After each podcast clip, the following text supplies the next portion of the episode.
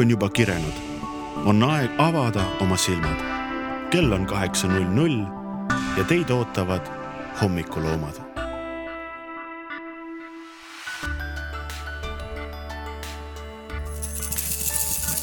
kuulete, hea Põltsamaa rahvas, meie siin mängimas teile hommikul juba rütmipille, et öelda teile kõigile tere hommikust. mina olen Eeva Nõmme ja minuga on täna hommikuloomade saates trummipõrin Eliise Kuus. tere hommikust! ja ka külalissaatejuht Tootsi Alevist, Heleri All tere hommikust, me tõesti oleme oma sisemised hommikuloomad juba valla lasknud, meil siin muusika mängib. toimetus on sellist imeliselt head leivalõhna täis, sest et Eliise on ja Eliise ema on täiesti fantastilised inimesed, tõid leiba meile. ja ema tõesti toetas, et tütrekesel ja ka teistel kõigil toredatel tegijatel oleks kõht täis, et ega hommikul ei saa ju tühja kõhuga ometi lasta tööpäevale vastu astuda, nii et. ideaalne hommik on see, kui tuled leivalõhnalisse tuppa ja hommikul ikka ju mõeldakse, et äh, mida see eelmine päev tähendas ja mida uus päev toob. no meiegi hakkame ju täna siin rääkima, et eile oli Põltsamaal ka suur pidupäev. väga uhke pidupäev oli, ma, ma, mina tulin eile hommikul Põltsamaale ja, ja vaatasin, kas teil käibki iga päev siin selline pidu või, või, või mis toimub no, keset kolmapäeva lihtsalt rahvast, kõik kohad täis. rahvast nagu murdu, ütleme nii, et jutud räägivad, et Roosisaarele ei mahtunud äragi no pildi pealt oli ka paista, et see sild oli ikka päris korralikult rahvast täis ja kui siit raadioaknast ka pilgu välja heitsime, siis kõik Põltsamaa inimesed, keda oleks osanud üldse ette kujutada, olid kohal, olid olemas, oli väga palju toredaid kohtumisi ja see eilne sünnipäev oli tõesti väga edukas üritus. muidugi tegemist võis olla ka uuendatud silla esimese eksperimendiga, et kas peab ja kui palju peab inimesi seal peal saab seista, et aga, aga saime ilusti jagu ja keegi vette ei kukkunud ka sinna ilusasse purskkaevu äh, lompi. me veel äh, eile üsna hilisõhtul käisime seda Roosisaart vaatamas ja ehitajapoisid käisid seal ringi ja vaatasid, et kas kõik on ikkagi loodis ja ilusti ja nad ei olnud üldse murelike nägudega, nii et järelikult sild veel ei logise, tundub, et võib tänagi minna rahulikult Roosisaart vaatama, kes eile ei jõudnud. kindlasti tulebki minna ja sündmusi selle nädala jooksul, selle sünnipäeva nädala jooksul, kui Põltsamaa tähistab oma üheksakümne viiendat sünnipäeva, laupäeva on ju veelgi tulemas, laupäeval on meil lossipäevad ja noh, muidugi suvi on ju ikka see aeg, kus ka oma aedades, kodudes on rohkem äh, tähistamist, võib-olla külalised kaugemalt tulevad läbi. et selline mõnus aeg on ja eriti tore, kui selle taustaks saab teile mängida Põltsamaa raadio. aga räägime siis tänasest programmist praegu oleme eetris hommikuloomadega ja natukene siin reedame teile ka, mis selles saates saama hakkab. meil on täna külas Põltsamaa vallavanem Andres Vään ja lisaks ka räägime natukene hiljem Äh, toidu tegemisest, äh, kuidas siis suurteks pidustusteks ette valmistuda, mida tähendab üldse suurtes kogustes toidu valmistamine, millega arvestada. meil on stuudios kodukoha cateringi üks tegijatest Katariine Visk, kes äh, ka ühtlasi on meie toimetuse liige kõik need, kes plaanivad Põltsamaa kohvikute päeval osaleda, siis noh, helistage kõik need üles, kes te teate, et, et kohvikud tegema hakkavad, sest Katariine kindlasti oskab nõu anda ka, et mida peab tegema, kui sa tead, et võib-olla tuleb sul täna sada viiskümmend inimest sööma, võib-olla tuleb ainult viiskümmend, et kuidas teha see kõige efektiivsem kohvik niimoodi, et kõigil oleks hea meel ja pärast seda kõike ära ei peaks viskama või ise ära sööma nii, ja kui kell on saanud siis kümme, umbes kümme, natuke mõned minutid üle, siis on meil saade Oma kandi jutud, kus siis tuleb juttu sellest, et Põltsamaa poisid käisid kaitseväes. Ja lisaks on meil ka tänavaküsitlused kus siis teie, Põltsamaa inimesed, olete rääkinud oma muljetest. nii et iga omakandi juttude saate otsa läheb ka selline linnarahva arvamus, nii et natuke kümme läbi omakandi jutud, poisid käisid kaitseväes kell kümme viiskümmend on eetris siis taas kord põnev jutusaade Põltsamaa inimesed, mis on ka raadiokuulajate poolt väga hästi vastu võetud ja täna on seal külas Arvet Külanurm. ja muidugi kell kaksteist siis keskpäeva uudised, kus te kuulete jällegi minu ja Johanna Järva häält, nii et tulevad jälle väga põnevad ja sisukad uudised, nii et olge valmis. ma korra küsin siia vahele, Liisa, kas, kui sina neid uudiseid teed, kas Põltsamaal on ütleme, kas see on raske töö, et kas sul on valikut nii palju, et ei mahu ühte saatesse ära või, või kuidas see Põltsamaa elu käib? kusjuures alguses ma olin natuke skeptiline, et kas tuleb hakata nii-öelda pastakast uudiseid välja imema, aga mida rohkem sa käid nii-öelda valla kodulehel, Põltsamaa lehel, Lossi lehel, Facebookis vaatad ringi, siis tegelikult kajastamist on rohkem kui küll ja pigem on ikkagi see, et, et mida me veel paneme, et, et saaks võimalikult palju kajastada, aga et ei läheks üleliia, et tegelikult on uudiseid rohkem kui küll, nii et Põltsamaa inimesed jälgige kõiki kanaleid, sest et siin tegelikult teha on päris palju. ja no muidugi uudisele, uudised võivad ka ise meie juurde jalutada, et hea on näha, et nüüd, kui me oleme neljandat päeva eetris, siis inimesed ka linnas ja üldse vallas hakkavad juba meiega harjuma, mis tähendab seda, et tullakse ja räägitakse, julgetakse meil nii-öelda nööbist kinni võtta, et äh, meil juhtub siin ühte-teist või arutame lihtsalt, kuidas elu läheb. Ja kuidas teisiti need toredad uudised ja kohalikud uudised meieni jõuda saakski, nii et julgustus siin ka, et kui on teil mõni hea mõte, mis on tegelikult uudist väärt, siis ikka rääkige Põltsamaa raadiole ja siis me juba vaatame edasi. ja kui te tänaval nööbist kinni võtta ei julge, siis õhtul on siin eetris üks tore saade Vaba Mikker, kuhu võib helistada ja te ei pea seal oma nime ütlema, nad küsivad küll, aga noh, ma arvan, et võib natukene valetada ka, kui, kui üldse ei julge, aga mõni hea mõte on öelda, mida väga-väga tahaks raadios ära öelda nii, ja kui me oleme jõudnud keskpäeva uudistega omale poole, siis äh, veerand üks on meil saade Vaevapead ja pruugisuud. ja tänases saates tuleb juttu hirmust demokraatia ees. Heleri, mis sina demokraatia suhtes tunned? Ma arvan, et äh, demokraatia on äh, seni kõige parem kord, mis on leiutatud, aga kuna kell on alles kaheksa null seitse, siis ma ei ole veel praegu piisavalt heas konditsioonis, et kell kaheksa, kell kaheksa null seitse, kui on esimene juuli ja õues ilus ilm, siis ei pea kohe arutama, et mis, mis valitsemiskord. just, aga kui kell on juba kaksteist viisteist, siis juba võib, siis on täitsa okei. Okay.. ja muidugi suur äh, promoga kell üks äh, läbi algavale spordirahvale, sest et kõik sõbrad, kes vaatavad äh, jalgpalli EM-i, meil on täna spordirahva saates külas jalgpallikohtunikud kes räägivad oma telgitagustest. lisaks seltsis ka üks võrkpallikohtunik, kes osaliselt on ka jalgpallikohtunik. no vot, igatahes kohtuniku töö, mida see üldse tähendab, kui keeruline see on mis on need äh, sellised nüansid, millega arvestada, kui tahad hakata jalgpallikohtunikuks ja muidugi ka natuke taustainfot selleks, et kui veel ei ole jalgpallikohtunikuks hakanud või üldse kohtunikuks, siis kuidas saaks. ehk siis selline huvitav arutelu, mida ilmestab sellele kohe järgnev kell kaks algav melopall. see tegemist on muusikasaatega, nii et tervitused ka Hiiumaa rahvale. Äh, selle saate autor on ise hiidlane mina tahaks ka Riinat tervitada siinkohal Hiiumaalt. jah, Riinat, aga miks Riinat, sellest me räägime teile ka õige pea. igatahes tervitused Hiiumaa rahvale, eriti Riinale kell kolm läbi natukene, umbes viisteist null viis on eetris Mineviku minutite neljas saade ja see on küll üks äh, meie raadioprogrammi osa, mis on saanud ka väga palju kiidusõnu. ja näiteks mu isa, tervitused sulle, kui sa kuulad, just eile rääkis, et äh, tegemist on väga ägeda ja huvitava saatega, et, et ta kestab kaua ja ta on sisukas ja põnev ja nii, et kui ta vahepeal läks kontorist välja ja siis läks kontorisse tagasi, siis ikka veel huvitav saade käis, et ei olnud selline sutsakas, vaid sai kohe mõnusalt nautida. nii et äh, see on tõesti selline väga-väga informeeriv ja huvitav saade ka ajaloovõhikutele ja siis tulevad meil õhtuhaku uudised ja edasi Pajatuste pada, kus täna loetakse oakese muinasjuttu. ja kuusteist kolmkümmend ehk siis pool viis on meil loosikasaade. nii et kõrvad kõigil tundlad valmis, et äh, infot koguda, sellepärast et äh, me küsime teie käest küsimuse, mis on meie eetris kõlanud või mis on teile kui kuulajatele väga kergesti aimatav. nii et peagi postitame oma Facebooki ja Instagrami lehele sellise pildi, mille alla me ootame kommentaaridesse õigeid vastuseid või siis valesid vastuseid, isegi vastuse õigsus ei loe. aga äh, saate te võita siis täna Felixi ja E-piima poolt välja pandud tooteid.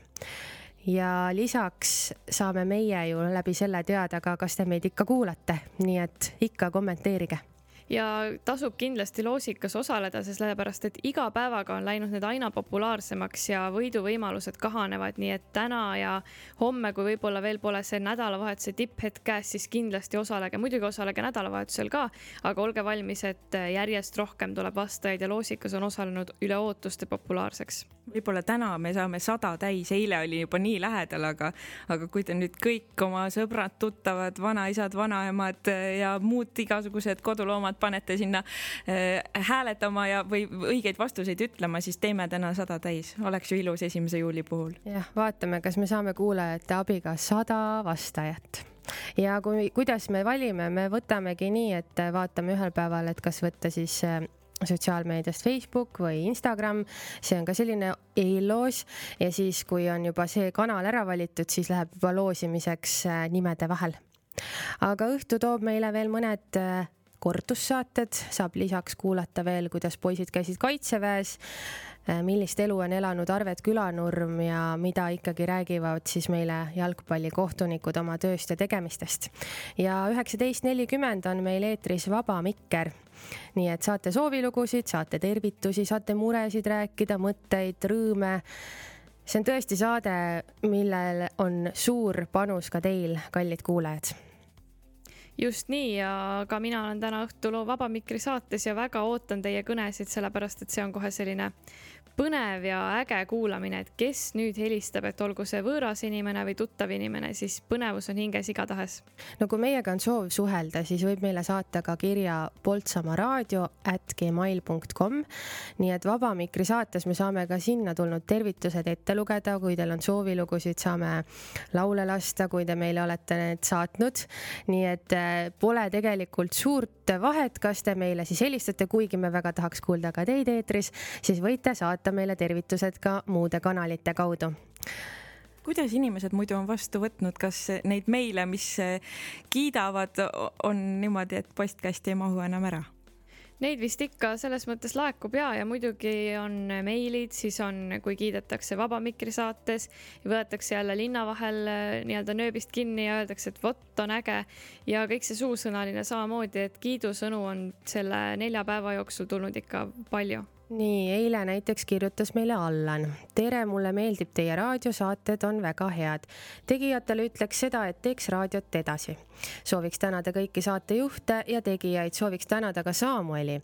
ma soovin kõigile edu ja jõudu tegemistes, päikest kõigile, soovib teile põline põltsamaalane Allan. aitäh Allanile, eh, eh, tervitused edasi antud nii Samuelile kui kogu toimetusele, nii et tore on saada teie kirju kõigilt no kui Allan soovib, et te, et te raadiot edasi teeksite, siis mina võin siin neutraalse inimesena küsida, mina ei pea lubadusi välja andma, kas tuleb järgmisel suvel või talvel või üleüldse elus kunagi veel Põltsamaa raadio, kui see nädal läbi saab? no nii nagu on äh, läbi käinud, siis kui on nii vägev asi püsti pandud, muidugi ei tahaks piirduda ainult nädalaga. nii et äh, me veeretame siin mõtteid, kuidas jõuda eetrisse uuesti veel selle aastanumbri sees aga ilmselt võib siis olla lumi maas. noh, muidugi siin nüüd terasemad kuulajad võivad hakata laulma laulu, et juulikuus lumi on maas. just, aga ma ütleks, et võib-olla ikkagi sellel aastal mitte, et juulikuus me lund ei oota, nii et aga eetrisse tahaks küll jõuda siis, kui juba võib-olla lumi maas ja praegu see meie nädalake on väga tore selline sissesöömise aeg, nii et äh, kõik, kes nädala lõpuks harjuvad raadioga juba täitsa ära, peavad küll natukene kurvastama, aga ei tasu väga pead norgu heita, sellepärast et kõik saated lähevad ka järelkuulamisse ja neid saateid, mida järelkuulata, on tegelikult väga-väga äh, palju. nii et ei tasu väga kõvasti kurvastada, et küll me tuleme taas ja enne tahtsin öelda selle sünnipäeva juurde, et kui üheksakümne viies sünnipäev tuleb nii uhke, siis mis veel sajanda ajal saab, et minul tuleb juba aukartus viie aasta pärast saabuva sünnipäevapeo ees. nii, aga Eliise, sina oled äh, meil ka täna siin hommikuprogrammis selline esimest korda ja me palusime sul valida välja laulu ja sa valisid välja ühe. miks? miks just? mina valisin Miljardite loo Sisemine samurai ja Miljardid on minu jaoks selline väga ägeda power'iga Eesti bänd ja palju edu neile ja nautige seda särtsakat laulu oma hommikukohvi kõrvale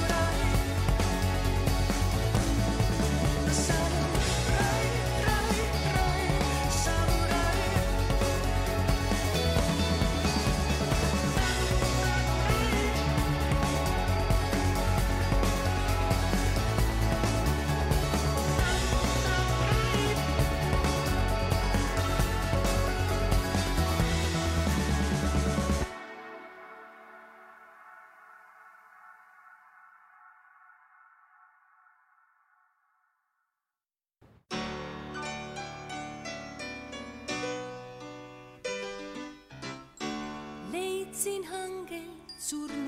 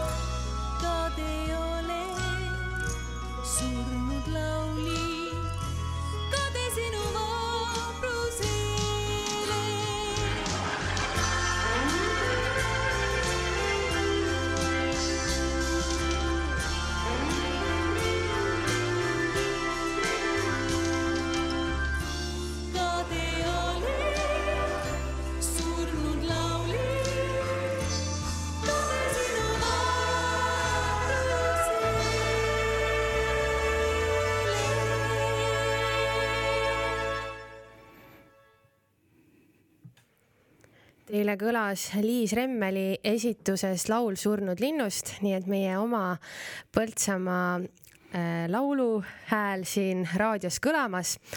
aga meile on äh, saabunud äh, esimene tänase hommikuprogrammi saatekülaline, vallavanem Andres Vään. tere hommikust! tere hommikust! No me juba jõudsime siin laulu ajal põgusalt vestelda sellest, et meil on selja taga eilne suur sünnipäevaüritus ja me käisime tegelikult äh, Põltsamaa linnaruumis ringi ja uurisime ka inimestelt ja peokülalistelt, mida nemad Põltsamaale sünnipäevaks soovivad, nii et kuulamegi kõigepealt ära, millised on siis linnarahva soovid. Mis te soovite Põltsamaa no. linnale? rikkust ja jõukust, mida tänapäeval kõik tahavad. bussiliiklust. jah, kuidas? bussiliiklust on vaja. Puuristist meil linna. ei ole üldse bussiliiklust, Tallinnasse ei tule. Tallinnasse üldse me sõita ei saa. nii et selline on õnnesoov üheksakümne viiendaks jah. rohkem bussiliiklust. ja ülejäänud on väga ilus, väga ilus. palju õnne ja palju ilusaid hetki. Mis linna eriti ilusaks teeb, on jõgi ja Roosisaar on meil alati ilus olnud, aga nüüd on veel kümme korda ilusam, kui mitte öelda sada või no võib tuhat ka panna, ega vähe ei ole et rahvas ei jookseks laiali, meil on hästi oluline koha peal, et kogukond oleks koos ja siia tuleks ikkagi eh, inimesi rohkem veel elama ja et, et oleks, kellega tähistada. noored, tulge Põltsamaale. et nad hoiaksid seda, roose hoiaksid. See on jah, haljastust hoiaksid, Põltsamaa on väga ilus. palju õnne sünnipäevaks, Põltsamaa üheksakümmend viis. rohkem lapsi, rohkem noori, et elu edasi läheks.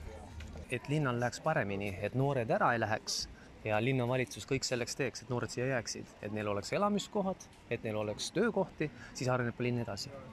et inimesed ikka hooliks seal ilu eest, mis siin on tehtud ja hoiaks seda, mis siin on kõik olnud. Et ei rüüstaks ega midagi. samas äh, vaimus edasi. viimased aastad on väga niisugune äh, tõusuteel. loodame, et mm, oleme alles tõusu alguses. elagu edasi ja paremini no nii kõlasidki siis õnnesoovid Põltsamaa linnarahva poolt. Andres Väen, kuidas tundub, kas olid äratuntavad soovid või midagi üllatas? No ega see ei üllatanud, bussiliikluse teema on ju suhteliselt habemega teema ja omavalitsuse jaoks on ta keeruline teema, nii et see küll käib tõusude ja langustega, sest ta on seotud eraettevõtlusega, aga, aga inimeste jaoks on see väga oluline ja see tuleb igal, igal kohtumisel mõnes, mõnes kontekstis välja no Põltsamaa raadio on noorteraadio ja ka siit soovidest kõlas läbi mitmel korral, et soovitakse linnale, et oleks ikka noori, et siis linnaelu läheb edasi. kuidas valla vaatest praegu noorte kaasamisega läheb? ma arvan, et paremini kui mujal Põltsamaal, no kindlasti te küsite, et miks siin on hea elada. Põltsamaal on selline kogukonna tunne, mida mujal Eestis naljalt ei kohta ma arvan, et see on juba mõnes mõttes pärit eh, ka sellest nõukogude ajast, kui siin oli ikkagi elu ilma muukeelsete inimesteta mis, mis tekitas nii mitmelgi pool Eestis probleeme ja, ja see kindlasti aitas kogukonnatundele kaasa ja, ja eriti see paistab silma noorte läbi, ma näen seda oma laste pealt, kes küll on juba laias ilmas laiali, aga see suhtlus ja sõbrad, mida nad siin Põltsamaal kasvades ja koolis käies on saanud, on neil tänaseni alles ja ma arvan, et see on hindamatu väärtus aga kuidas ikkagi teha niimoodi, et, et need suhtlus ja sõbrad, mis nad on siin kasvades ja koolis käies saa, saanud, jääksid ka siia siis, kui nad enam koolis ei käi ja, ja et neid samu noori, kes siin seda raadiotki näiteks teevad, et, et nemad tahaksid siin olla ka, ka, ka pärast lõpetamist? mis on noortele kõige olulisem, varsti on teil kõige olulisem lasteaed ja see saab ju Põltsamaal varsti uus olema. oluline on haridus ja ma arvan, et see on meil mitte, mitte halb, ta on ikkagi Eesti keskmine või üle selle. ja töökohad, töökohtasid on Põltsamaal samuti piisavalt ja oluline ongi iga noore pere jaoks see, et tal oleks nii töökoht kui elukoht võimalikult lähedal üksteisele ja oleks kõik tingimused selleks no küsimusi erinevatel teemadel meil veel tekib kindlasti, aga üks asi, mis praegu jäi kõrvu, et oleks ka elukoht ja seda soovisid ka need linnarahvas, keda me siis küsitlesime, et kui praegu tuleb noorel perel mõte, et tahaks kolida Põltsamaale ja otsivad endale elupinda, kas vallal on selline ülevaade, kus neile üldse midagi pakkuda oleks või mis need tingimused siis on? Mõningane ülevaade meil on, eriti see, mis puudutab nii-öelda reservis olevaid riigimaasid, aga lisaks sellele on väga palju seisvaid era, erakrunte ja siin saab ikka esimene, inimene ise näidata ka initsiatiivi, sest need on ju näha kõigile, et kui sõita mööda linna, siis on näha mõned, mõned kohad on ikkagi seisvad ja hooldamata päris pikka aega, on vaja kontakti leida nende omanikega ja ja teha ise selleks natuke tööd. linn omalt poolt on praegu valmis ostma elamuarendus Krundi üla, Ülase tänavale, see küll hetkeks toppama, aga see saab teoks ülejärgmisel aastal, kus on siis perspektiivne kuuekümne eramu rajamise rajoon. nii et ootame veidi seda ja siis me saame väga tublisti edasi minna ja kas see Ülase tänavu, tänava elamurajoon tuleks siis umbes samas formaadis, nagu on Kannikese tänav, et saab äh, pere siis endale sinna kodu enda tarbeks ehitada? see tuleks ilmselt veidi teises formaadis, sest see tuleks äh, kompleksplaneeringuga, Kannikese tänav on arenenud üksikute planeeringute kaupa meil oli juttu sellest, et noori võiks siia kutsuda hea haridus ja, ja selline toetav kogukond, aga on ju olnud viimasel ajal õhus palju kriitilisi teemasid ja patt oleks praegu nendest mitte rääkida. ehk siis näiteks, kui rääkida kasvõi kooliteemadest või haridus, haridusreformi teemadest, on eriarvamusi olnud, et kuidas see valla juhtimise seisukohast praegu see olukord paistab? reformid on alati tekitanud kellegis vastuseisu. ega me ju mäletame ha- halduse reformi, mis toimus nüüd praegu siis kolm aastat ja kolm, kolm ja kolmveerand aastat tagasi. seda ju valmistati ette, vaieldi ja, ja tegutseti selles suunas väga pikka aega ma arvan, kümme aastat võib-olla. ja, ja kindlasti me praegu ei kujutaks ette, kui sellesama praeguse valla asemel istuks siin teil laua ääres neli vallavanemat ja küsiks kohe, et mida nad kõik teevad. ja noh, see on võib-olla ajamärk ja haridusega on sama teema, et kui ikka ei ole lapsi ja ei jätku õpetajaid, siis ei saa ju ka kooli pidada ja praegusel ajal on hariduse võib-olla põhiküsimuseks selle reformi juures koolitransport, õpilastransport, et ei saa enam nii hõreda hajaasustuse juures viia haridust kõigile väga ligidale, vaid tuleb õpilased tuua hariduse juurde no veel oli juttu sellest, et kui noored mõtlevad, kas asuda Põltsamaale elama, siis oleks üheks argumendiks see, et on sirgumas või ehitatamas uus lasteaed. ja kui üldse mõelda sellele, et kuidas üks koht areneb, siis tuleb ikka selline väärtuste küsimus, et kas investeerida siis nii-öelda betooni või inimestesse. kuidas teie sellele küsimusele vaatate ja olete praegust tööd korraldanud? Need on komplekssed asjad, ei saa vaadata ühekülgselt, kas inimestesse või betooni, mõlemad peaksid eh, nii-öelda olema rahul, betoon peaks teenima inimesi võimalikult optimaalselt, sest paremat ehitusmaterjali meil siiski meie kliima jaoks ju ei ole ja ja kas nüüd lasteaeda võtta betoonina või mitte paratamatult peame arvestama kõikide nende tingimustega, mis järjest eh, nii lasteasutustes, õppeasutustes kui ka hoolekandeasutustes eh, ju järjest karmistuvad ja midagi teha ei ole, me, me peame nendega kaasa minema. ja uus lasteaed on kindlasti üks eh, see, mis meie elukeskkonnale ja, ja laste kasvatamistingimustele annab väga palju juurde. mida öelda nendele inimestele, kes kogu muutuste keerises tunnevad, et et ei ole läinud need muutused päris nii, et nendega oleks arvestatud või nad tunnevad ennast kuidagi väljajäetuna, et arusaadav, nii nagu te ka kirjeldasite, et muutused on vajalikud ja reformid ka ja nad ei lähegi lihtsalt, aga ometi on neid, kes ei tunne, et neid oleks piisavalt kaasatud, kuidas nendele vaadata? Nendel on väga raske midagi lohutavat nii otse öelda, sest et võib-olla nendes, nad peaks äkki ise vaatama peeglisse ja võib-olla nendes endas midagi kinni, et ega me ju aja vastu ei saa, me peame arenema koos ajaga. Kuulame nüüd siia intervjuu vahepeale ka sellise meeleolupala ja teie kõrvu jõuab kõigile teada-tuntud viis tuljak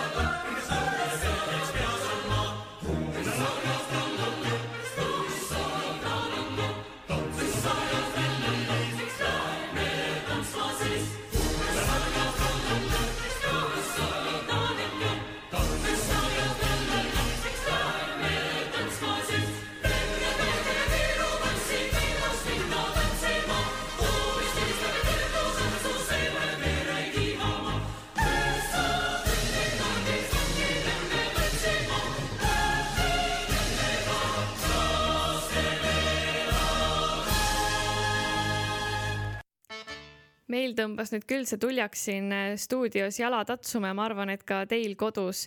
ja mina lähen kohe siis edasi küsimusega, et äh, paljud inimesed on siin muret tundnud, et äh, kui on sellised muutused haridussüsteemis, siis kui kauaks jääb meile kestma siia gümnaasium, et eriti ka kui õpetajate puudus võib tekkida. et kas gümnaasiumi püsimine siin Põltsamaal on kindel ja mida te ütlete neile, kes selle pärast muret tunnevad? Väga hea on, kui selle pärast muret tuntakse ja meil on ka koolil ju väga tugev vilistlaste organisatsioon, kes, kes ka tunneb selle pärast muret. aga meil on ikkagi vaja selleks lapsi, kes käiksid gümnaasiumis, see on, see on põhiline, põhiline probleem, et meie gümnaasium säiliks. kui meil enam lapsi ei ole, siis meil ei ole ka näiteks selle pärast enam võimalik seista jah, et see on väga oluline, et ka Põltsamaale selliste kooliealiste lastega peresid ainult juurde tuleks ja ma olen kuulnud, et esimestesse klassidesse vist tuleb juba iga aastaga järjest rohkem lapsi. et eks ka see seda muret hakkab lahendama ja kõigile, kes tahaksid tulla Põltsamaa nii-öelda haridussüsteemi tööle või toeks, siis kas julgete neid siia julgelt kutsuda ja pakute neile ka nii-öelda omalt poolt parimad võimalused? mina julgen neid kutsuda siia ja ma julgen siia kutsuda ka õpilasi. üks Põltsamaa Ühisgümnaasiumi mm, potentsiaalne või valukoht on kindlasti õpilaskodu, mis peaks olema kaasaegne ja, ja kutsuma siia õpilasi ka väljastpoolt. ma ise olen sellises koolis käinud, kus, kus ma elasin ühiselamus ja mulle ei ole see teema võõras ja, ja ma, ma ei ütleks, et selles midagi halba oli ja, ja see on kindlasti üks meie, meie mõtteid selleks, et noored siia tuleksid ja jääksid, siis Eeva esimeses intervjuu pooles küsis ka, et ütlesite, et, et noorte kaasamisega on siin nagu paremini kui, kui mujal. kui, kui te tooksite mõned näited, mis on hästi, mida on Põltsamaa vald teinud, et noori kaasata, sest ma saan aru, et see raadio näiteks siin on puhtalt noorte enda initsiatiiv ja, ja algatus, et selline asi teha?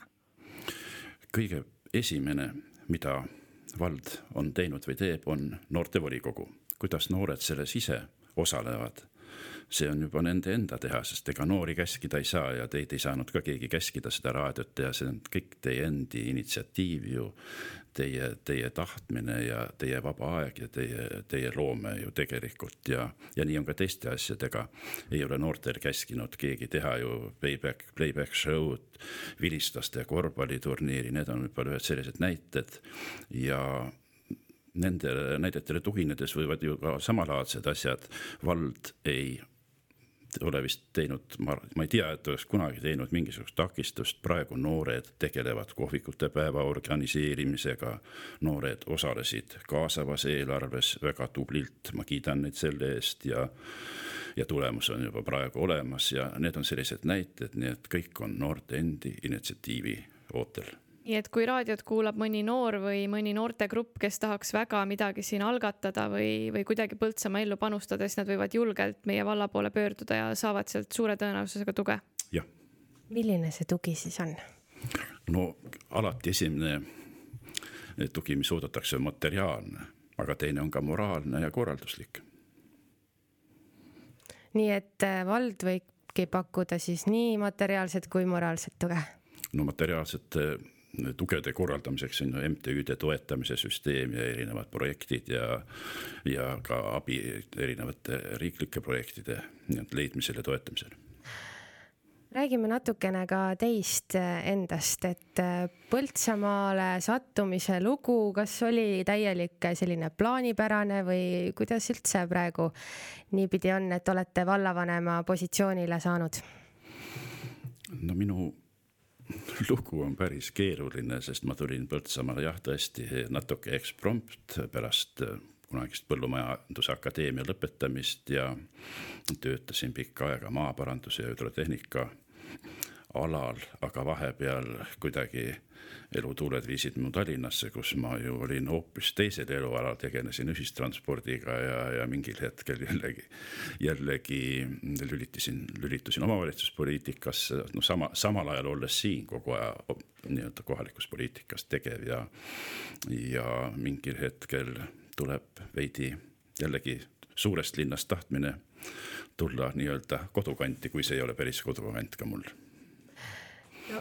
tuli juba jutuks, et, et suurest poliitikast ja, ja teie amet on kahtlemata osa poliitikast ja, ja kui suurest, no see jääb nüüd kuulaja ja, ja mõtleja enda otsustada, aga, aga miks just selline amet või valdkond, et poliitika?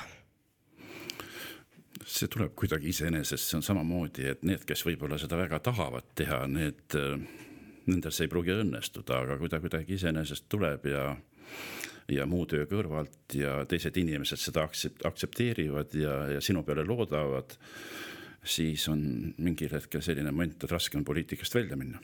mis teile kõige rohkem meeldib selle vallavanema töö juures? vallavalitsuse ja volikogu töö juures meeldivad kindlasti positiivsed emotsioonid, kuigi neid on, neid on väga harva, kui, kui tunnustatakse või kiidetakse mõne asja eest, näiteks kasvõi Roosi saare eest, see on, see on kõige meeldivam osa tööst. meie küll kiidame väga, väga hästi on tehtud. ja kui nüüd mõelda, noh, poliitikud ikka ju peavad äh, lähtuma mingitest oma väärtustest, et teil on nüüd ka juba pikk karjäär äh, selja taga ja kindlasti pikka ees aga mis on need väärtused, mida te oma igapäevatöös kannate? Minu väärtus on ikkagi inimestega arvestamine ja ma ei ole tahtnud kunagi inimestest nii-öelda üle sõita, mõne jaoks ei ole inimesest äh, nii-öelda ülesõitmine mingi probleem, aga minu jaoks on see väga suur teema olnud alati aga kui ise nüüd näiteks kõrvaltvaatajana näete, et see ülesõitmine toimub, kas siis on niimoodi, et lööte rusikaga lauale ja ütlete stopp, nii ei saa? jah, on ka seda olnud. kas Puurmani inimestest ei sõideta praegu üle? Puurmani inimesed sõidavad praegu ise. nii et äh, kuidas seda ülesõitmist võtta? Puurmanist valiti volikogusse ju neli saadikut, kellel on rahva mandaat. üks nendest loobus kohe, teine loobus poole pealt. miks nad ei esi-, esinda seal oma inimesi volikogus, kaks häält volikogus on juba küllaltki arvestatav arvestatav ja sellega võib nii mõnigi kord midagi kokkulepete kõigega oma kogukonna heaks ära teha.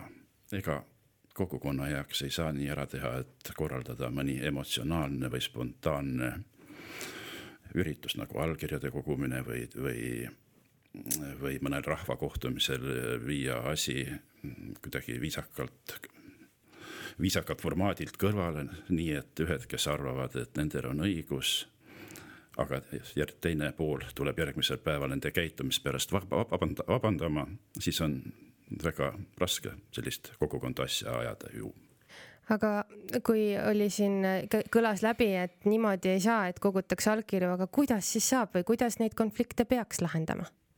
konflikti ju ei olnud. nii et lahendust ka ma ei oska selle, sellepärast pakkuda, sest et üks, üks teema, mis nagu seda tingis, oli, oli ühinemislepingust tingitud investeeringud ja teine, mis siis nende arvates ei olnud äh, õiglane, oli Emajõe veevärgi alt vee äratoomine. noh, Emajõe veevärgi alt Põltsamaa vee alla toomine on tänaseks päevaks äh, toonud Pikknurme veevärgile investeeringud, mida ei olnud seniajani äh, saadud. nüüd on, nüüd on see tehtud ühinemislepingu investeeringute poolt lasteaia renoveerimine juba käib samamoodi oli, seal oli ka see staadion sees, noh, see on niivõrd väike asi, et sellega, sellega probleemi ei ole, kui nad ise seda ainult soovivad ja kui see sobib, seal on maaküsimused ja naabrite küsimused terves selles kompleksis, mis on pärssinud seda tegevust ja mis on pikka aega olnud lahendamata. Üks teema on olnud äh, kursi suunaline kergliiklustee, mis viiks, viiks kursi kalmistuni ja kursi kirikuni välja ja mis on jalakäijatele ohtlik. alustasime ka selle projekteerimisega, paraku ma jätsingi selle teema esialgu pooleli, sest projekteerimises kulutatud vahendeid me peame siis kul hoopiski kulutama siin rahvahääletuseks valmistumise kulutustega, mis ei ole ka mitte odav lõbu. Igas ametis on oma eesmärgid mis on teie kui vallavanema eesmärk, et te saaksite endale siis öelda mingil hetkel, et hästi, sain hakkama, tegin oma soovid teoks? Mm, ma ei tea, kas mu eesmärk on reaalne, aga ma sooviks, et vald oleks ühtne, sest mulle tihti tundub, et vald on liiga Põltsamaa keskne. ja eks see Puurmani teema mõnes mõttes võib-olla kinnitab seda. Ja seetõttu minul eriti meeldib toetada külaseltse, mis on aktiivsed, mis nad teevad ise ära. näiteks Tapiku ja Umbusi ja, ja teised ka, ma kõike ei jõua, noh, Lustivere Eesku ja, ja võib-olla või mingil määral Võsiku. ja valla selline ühtne ja, ja terviklik areng, nii et need inimesed, kes elavad väljaspool Põltsamaalt, tunneksid ennast ka, et nad on, nad ei ole kõrvale jäetud, et, et eh, nad on, nad on samamoodi selline ühtne, nii nagu vanasti oli kihelkond, et eh, kirik on küll keset küla, aga, aga, aga ka ääremaa on, on, on selle osaline ja ja seetõttu ongi meil äh, üks olulisi teemasid, kas me saame nüüd ise või koos riigiga, on kergliiklusteede arendamine linnast erinevates suundades, praegu on see kahes suunas valmis. Tallinn-Tartu tee, mis on nii-öelda tuleviku teema, välistab praegu äh, sellesuunalised kergliiklusteed, aga Lustivere ja Eesku suund on, on ühed kindlasti, mis, mis on prioriteedid ja samuti kursi, kursi kergliiklustee aitäh, vallavanem Andres Vään, et te leidsite aega täna tulla meie hommikuprogrammi saatesse. rääkisime siis sellest, et kuidas noored saaksid tulla Põltsamaa valda, mida vald selleks teeb ja kuidas äh, suhtuda küsimustesse, mis on kriitilised praegu Põltsamaa vallas. aitäh, Andres Vään ja me jätkame siit äh, soovilooga mäletad kevadet Tõites, mille on meile saatnud Tiia, kes soovib tervitada oma ema Eevi Hallistet esimesel juulil, kui tal on sünniaastapäev. Eevi enam meiega ei ole, aga tervitused ikkagi kõrgele-kaugele.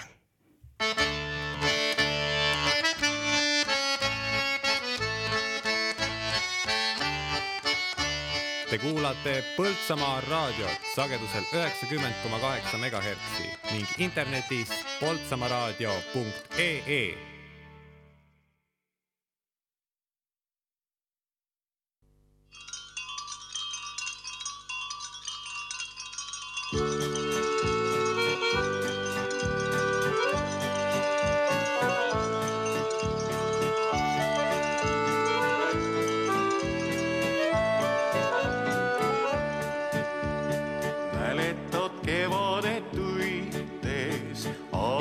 kui häälitses lind. mäletad Emajõelt sõites, paadis kui suudlesin sind. õnnel siis tuksus mu süda, armastust ihaldas rind. Öelda ei julgenud seda, kallim, et armastan sind õnnel siis tuksus mu süda, armastust ihaldas rind. Öelda ei julgenud seda, kallim, et armastan sind. eluteel kohuste sunni, saatus mind kaugele viis. õilsana südames kandsin, unelmaks oli mul siis sellest nüüd tunnen ma piina, tookord ei mõistnud ma sind. laul nüüd laulaksin sulle, ellus ihkaks mu rind. sellest nüüd tunnen ma piina, tookord ei mõistnud ma sind. laulu nüüd laulaksin sulle, ellus ihkaks mu rind aasal nüüd tormavad tuuled, saabuvad lumi ja jää. külmana laulavad huuled, tuimaks kõik ellused jääd. sellest nüüd möödunud päevi, kadunud aegade rutt, mälestus jäänud vaid mulle, kaunis kui hea muinasjutt sellest nüüd möödunud päevi, kadunud jäänud vaid mulle kaunis kui hea muinasjutt.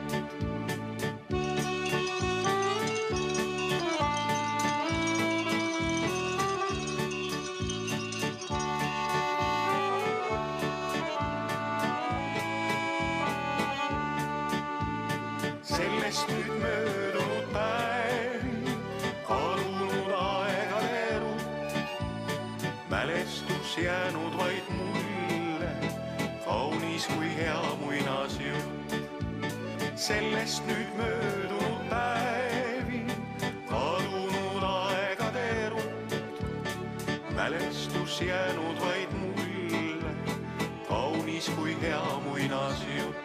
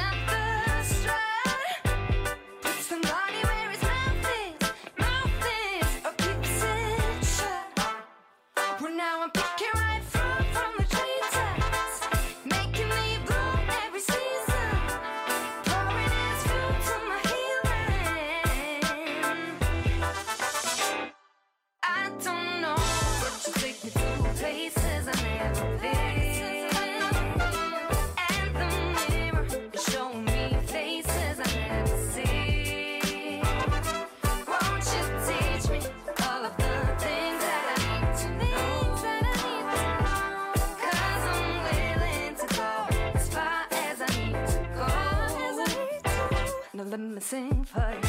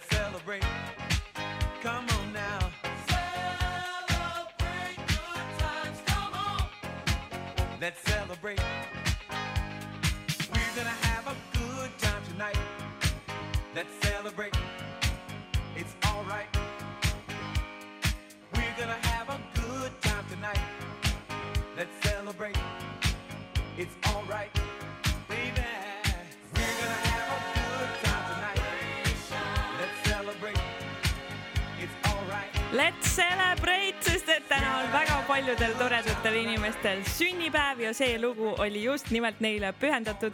ma väga loodan, et teie õlad juba liiguvad ja puusad samamoodi, sest et on esimene juuli ja sünnipäev on Eva.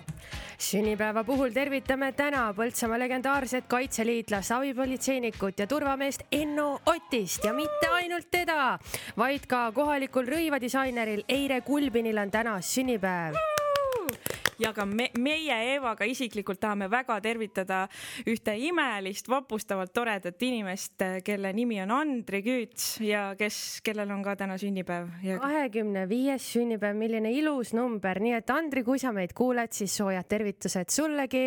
loodame, et sul tuleb nüüd parim aasta. see on väga hea aeg elus, mäletan ise, kui olin kakskümmend viis, see, see oli tõesti ilus. ka veel mäletad see oli nii ammu. ma tean jah, kahjuks, aga õnneks on meil siin stuudios ka Eliise, kes on natuke noorem kui kakskümmend viis ja oskab täpselt rääkida sellest, mida siis noor inimene, meie oskame pärast seda, sellest rääkida, mida natuke vanem inimene Põltsamaal teha saab. ja hobidest on meil plaanis nüüd natuke teid valgustada, et kuidas siin see elu käib no Põltsamaa vallas ja linnas on palju huvitavaid asju, millega tegelikult tegeleda, et esmapilgul tundub, et meil on siin ainult võimalus joosta ja jalgrattaga sõita, aga tegelikult kui natukene veel pingutada, siis nii kooli ajal ehk siis kevad sügis, talv ja ka suvel on tegelikult linnas palju põnevat teha ja, ja kui raadiot kuulavad ka eelmisest intervjuust kannustatud inimesed, kes tahavad Põltsamaale kolida, siis julgeme öelda, et, et ka teie lastel ja peredel on siin kindlasti palju toredat teha.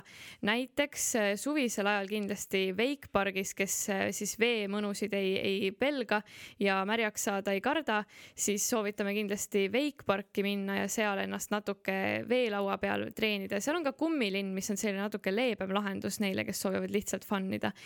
ja muidugi näiteks noortekeskuse kõrval on väga äge välijõusaal ning Felix hallis on ka sisejõusaal, nii et ka jõusaali võimalus on olemas.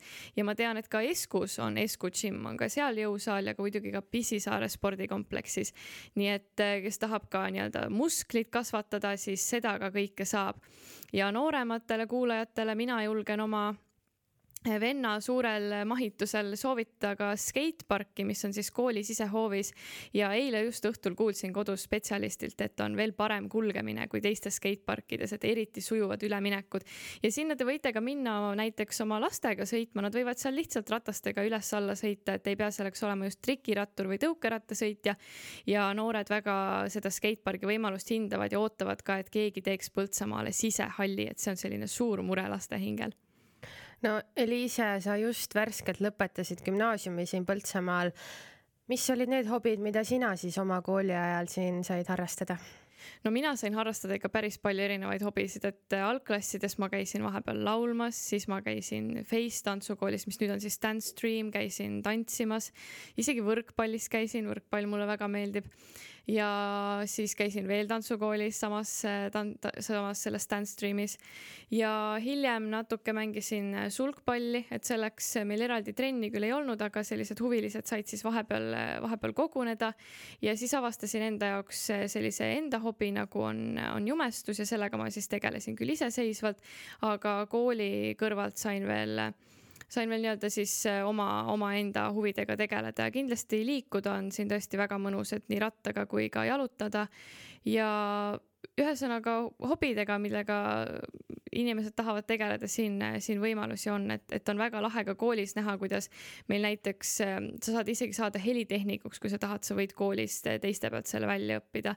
on erinevad äh, trennid, saab mängida korvpalli, jalgpalli ja kunstikool on, ma tean, olemas, et väga palju ägedat no sellega vist on nii ka, et kui ma mõtlen näiteks meie ülikooli aja peale ja praegu ka ju see raadio saigi ellu kutsutud läbi selle, et me õpime Tartu Ülikoolis suur sihuke tuumikpunt, siis oli nii, et kui ei olnud vaba ainet, sellist, mis huvitaks, siis sai nagu läbi rääkida või Eleri, kuidas sinul nende, nende mälestustega on?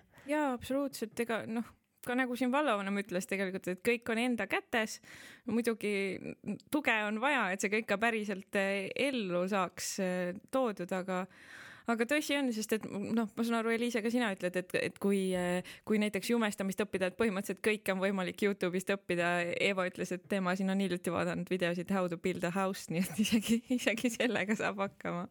jah, miks mitte, et võiks ju hobiks olla ka majaehitus aga Eva, kui sina nüüd kuulasid seda Eliise, see on tegelikult väga muljetavaldav loetelust, mina olen pärit väiksemast kohast kui Põltsamaa ja no meil oli põhimõtteliselt muusikakool, kus sai õppida kolme pilli ja näitering ja tantsuring ja see oli kõik. et mina küll tundsin vahepeal puudust mingisugustest asjadest, mingi no meie ajal oli vahepeal väga populaarne hip-hop tants, siis me olime väga, väga kurvad, et no miks ma ei saa käia. sa tahtsid JJ Streetis käia? tahtsin käia, aga meil ei olnud ja. ja Põltsamaal on, ma tean, siin tegutseb ka JJ Street ja muusikakool on, on ka ja ma isegi seal kunagi kolm aastat käisin. kas sa oled millestki puudust tundnud või mõelnud, et või, ah, võiks sihuke asi ka olla? no võib-olla see nii-öelda ametlik sulgpallitrenn, et me vahepeal kehalise õpetajaga koostöös ta siis natuke mängis meiega ja vahepeal saime pärast tunde kokku ja mängisime, et vot sulgpallitrenn on küll selline, mida ma olen ka kuulnud, et teised ütlevad, et võiks olla või siis ma tean, tennist saab nagu ka mängida omaalgatuslikult, aga võib-olla just selline sulgpallitrenni, tennisetrenn on, oleks väga äge mina kusjuures Põltsamaa kooli ajal, kui ma siin põhikoolis käisin, siis äh, mina. kümme aastat tagasi juba. ei hakka neid aastaid ette lugema, aga igatahes ma käisin ka sulgpallitrennis ja minu treener oli siis Maicel Mikson nii et äh, Maicel, kui sa meid kuuled, siis noored ootavad sulgpallitrenni taastamist. Back comeback ja võib-olla siis olekski nii, et, et Põltsamaal oleks täiesti uus sulgpallilaine tulemas peale, sest kui ma mõtlen oma gümnaasiumi aja peale, mis oli Nõos, siis Nõos on ju vägagi tugev sulgpallikoolkond.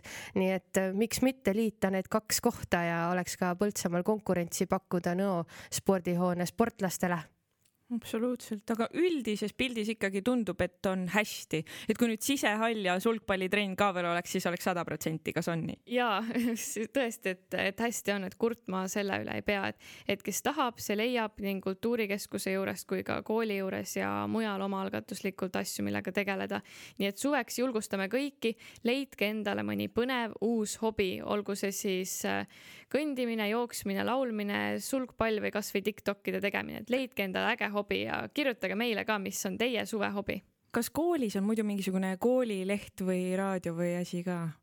no kooliraadio vahepeal oli nagu sellise formaadiga, et mingil päeval siis õpilased valisid ise sinna muusikat ja sai noh, mingeid tervitusi teha.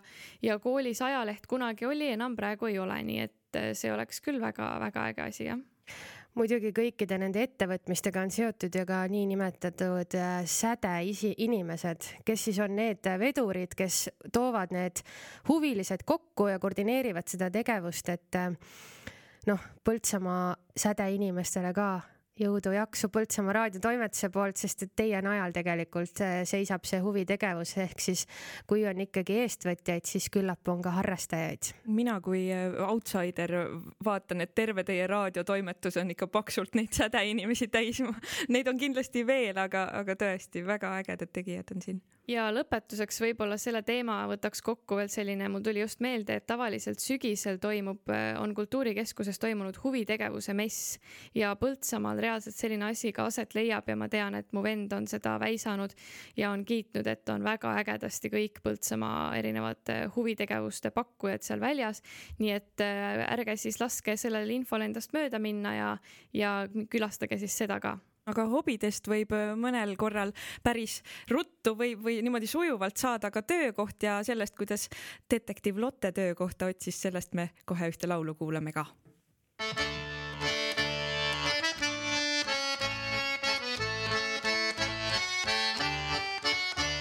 Te kuulate Põltsamaa raadiot sagedusel üheksakümmend koma kaheksa megahertsi ning internetis poltsamaaraadio.ee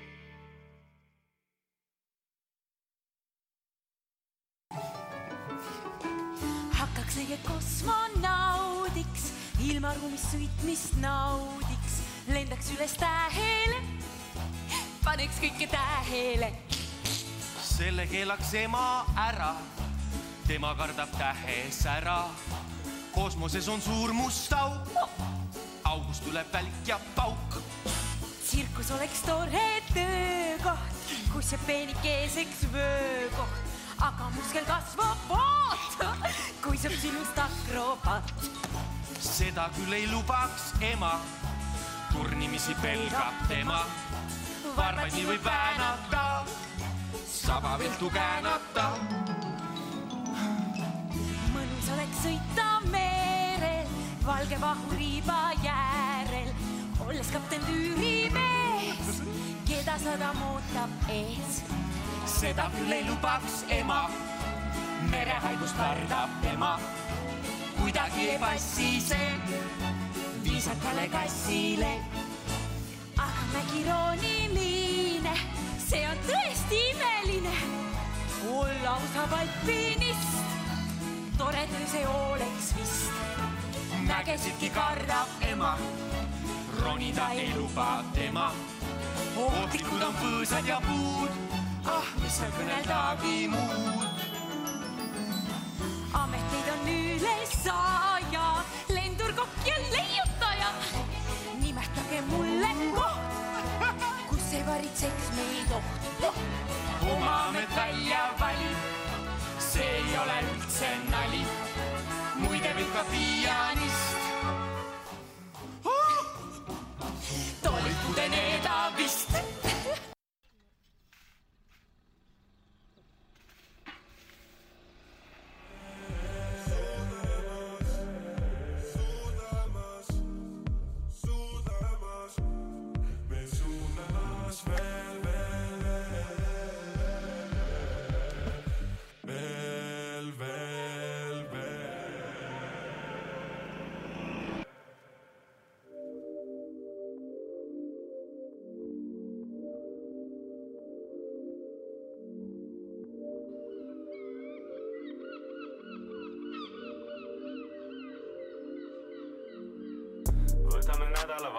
kui sul on plaan, siis ära tee seda.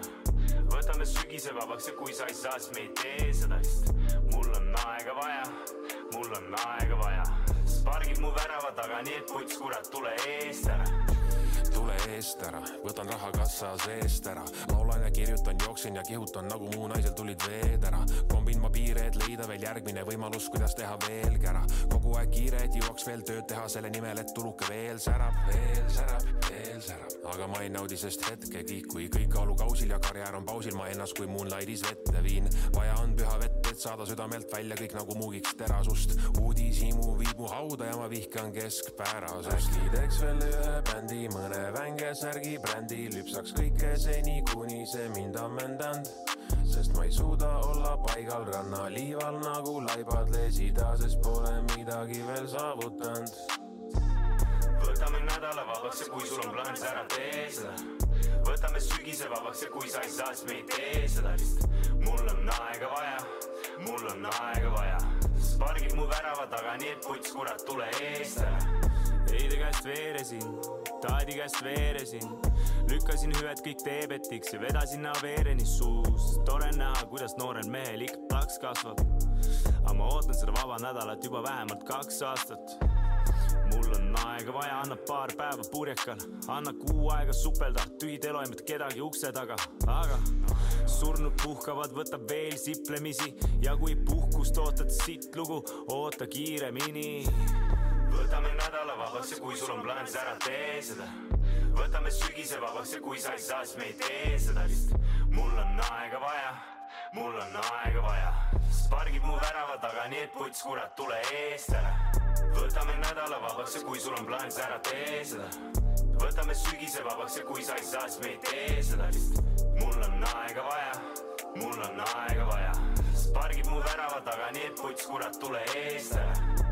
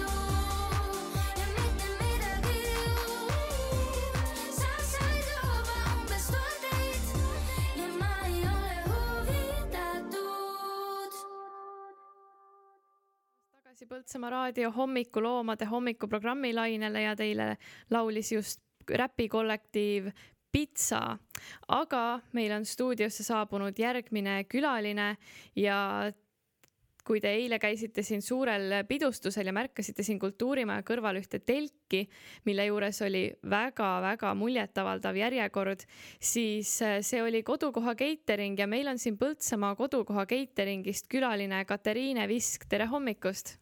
tere!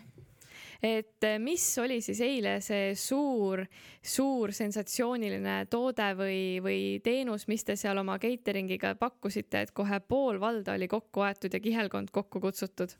no ma ütleks, et kõige rohkem läks jäätisekokteili ja vahepeal isegi said asjad otsa ja siis isa käis kaks korda veel poes kas seda juhtub sageli, et äh, ei oskagi oodata sellist populaarsust ja siis tuleb äh, väga kiiresti reageerida? Jah, just äh, jaanipäev oli Paju, siis oli jaanituli ja kontsert ja noh, mis me mõtlesime, mõni külainimene tuleb, ema kuulis, et Põltsamaalt tuleb võib-olla kaks inimest ka ja me ei olnud üldse valmis selleks, et äh, absoluutselt kõik friikartulid läksid ära, meil oli suur sügav külmik kaasas Äh, ja vahepeal oleks tegelikult olnud ka vaja veel poodi minna, aga kell oli siis täpselt kümme saanud ja noh. Põltsamaal poed kinni. jah.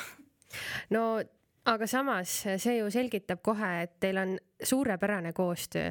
Teie müüte, isa käib vahepeal kiiresti poes, no kirjeldus ideaalsest pereettevõttest, vaatame siis korra tagasi ka, et äh, kuidas kodukoha catering üldse alguse sai?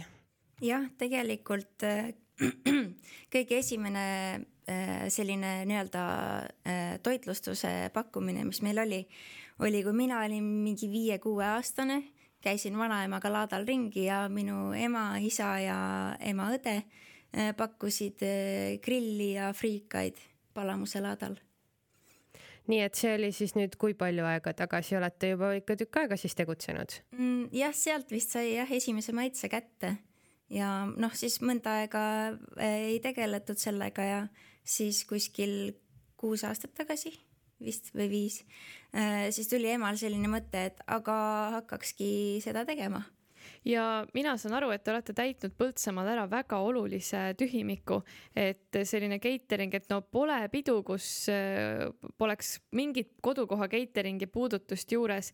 et äh, mis on see teie, et kui, kuidas te olete ennast võib-olla turundanud või, või inimeste südamesse nii hästi pugenud?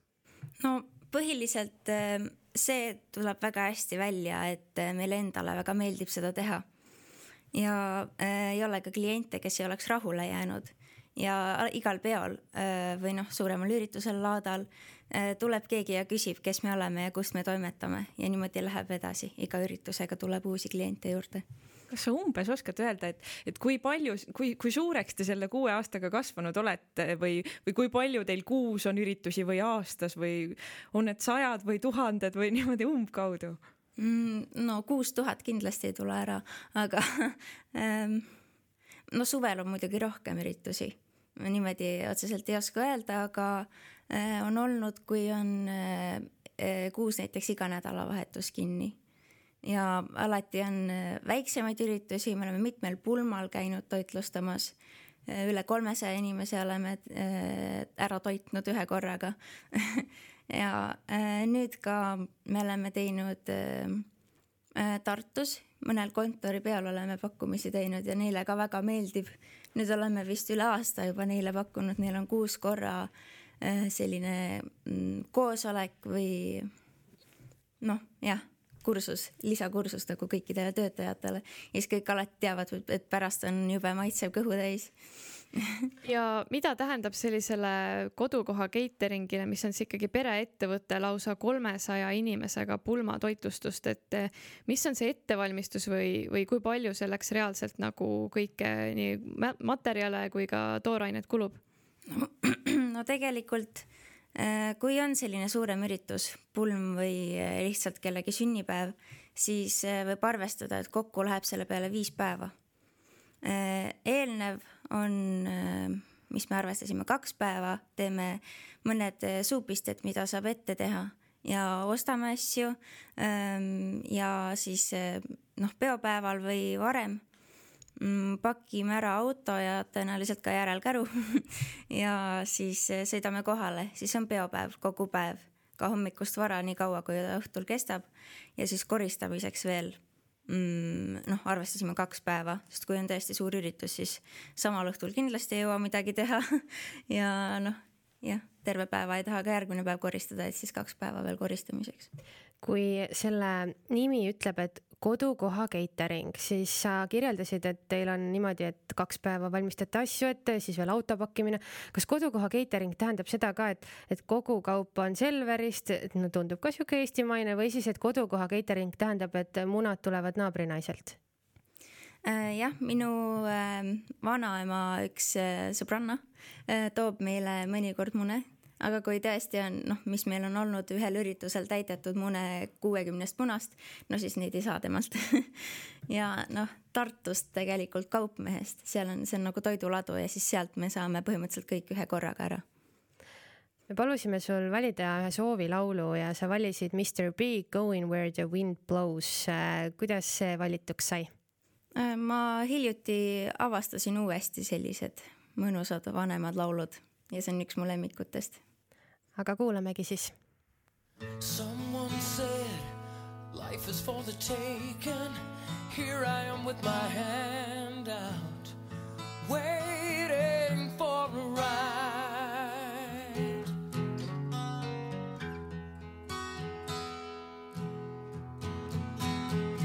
I've been living on my great expectations. What good is it when I'm stranded here?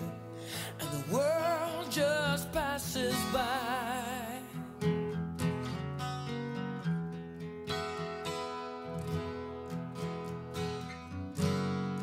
Where are the signs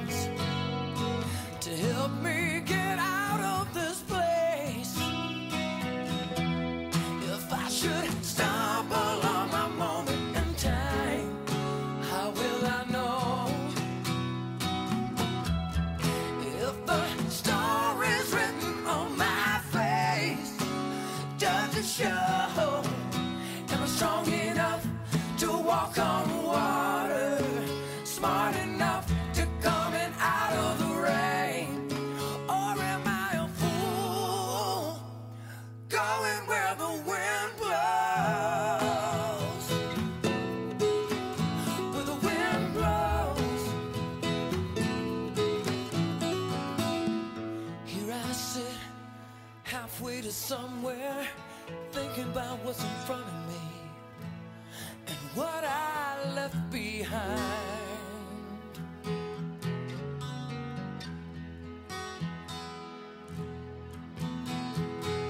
On my own, supposed to be so easy. Is this what I've been after?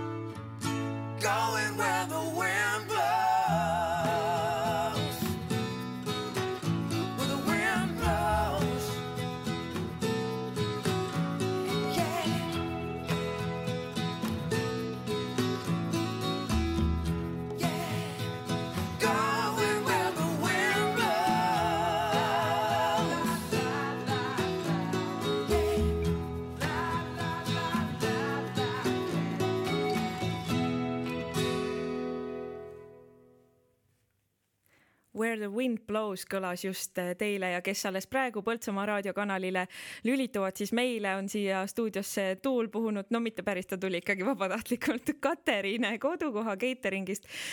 Katariine, no räägi, meil on varsti Põltsamaal kohvikute päev tulemas, et kuidas, kui te, kui sina ütlesid, et teie hakkate viis päeva enne valmistuma, siis kas äh, inimesed, kes tahavad kohvikut teha, peaksid ka juba nädala enne vabaks võtma, et see kohvik nagu korda saata ja et see kõik, et kõigile jätkuks, et menüü esimese tunni ajaga otsa ei saaks. sina oled selle kõik läbi teinud, kuidas, kuidas see korraldamine peaks toimuma? no päris viis päeva sellisel juhul küll ei lähe ettevalmistumiseks, aga mõni küll, näiteks kui, mis me oleme teinud ise vahvleid jäätise, jäätise jaoks, et siis neid oleme teinud noh, kaks päeva või päeva enne, et need peavad ilusti vastu. noh, küpsetistega peaks ikka nii olema, et päev enne hiljem, hiljemalt, et siis need peavad ka ilusti vastu ja kehtivad veel mõni päev pärast ka aga kui tahab kaasa osta. kuidas seda kogust arvestada, ma ei, ma ju tegelikult ei kujuta ette, no teie ka, kui te kasvõi eile, eks ole, tulite siia, ega te ei teadnud ju tegelikult, võib-olla see ajab vihma, võib-olla tulebki ainult üks inimene ostab, eks ole. äkki minu kohvikus ka, et menüü on väga hea, tublisti olen valmistunud ette, aga, aga ei tulegi kedagi, et kuidas teha ikkagi niimoodi, et nagu, et see kõik oleks nagu jätkusuutlik ka, et terve päev vastu peaks no alati peab selleks valmis olema, et äh, ei ole palju inimesi, aga äh, ka sellega peab arvestama, et võib-olla on väga palju, kunagi ei tea seda ette, eriti kui ilm on selline, et suvalt tuleb kuskilt vihma. et äh, noh, ma ei teagi, meil on nii selline käpas juba, et me vaatame peale ja võtame suvalt need asjad ja ongi paras noh, välja arvatud siis see eilne üritus, kus oli poes vaja käia. aga noh, siin on tegelikult hea selles suhtes ka, et kui tõesti on midagi vaja, me oleme vähemalt kolmekesi kohal, üks saab alati poes käia. nii et kohvikus ka siis ikkagi peaks äh, võtma abilised, et päris üksi võib-olla ei tasu seda vastutust võtta. jah, üksi on raske, kui näiteks noh, me teeme jäätise kokteili ja paneme jäätist, et siis üks müüb ja teine samal ajal kuulab, et mida ostaks, ta teeb ruttu valmis. et noh, vähemalt kaks võiks olla no äh, veel on olnud juttu sellest, et selle kogusega võib ju puudus tulla, aga võib ju ka nii juhtuda, et jääb ikka väga palju toitu üle kas siis on nii, et kuna olete pereettevõte, siis saab kogu perega kõhud äh, väga täis? mm,? nojah, näiteks kui vanaema või tädi on käinud abis, siis me oleme neile kaasa andnud.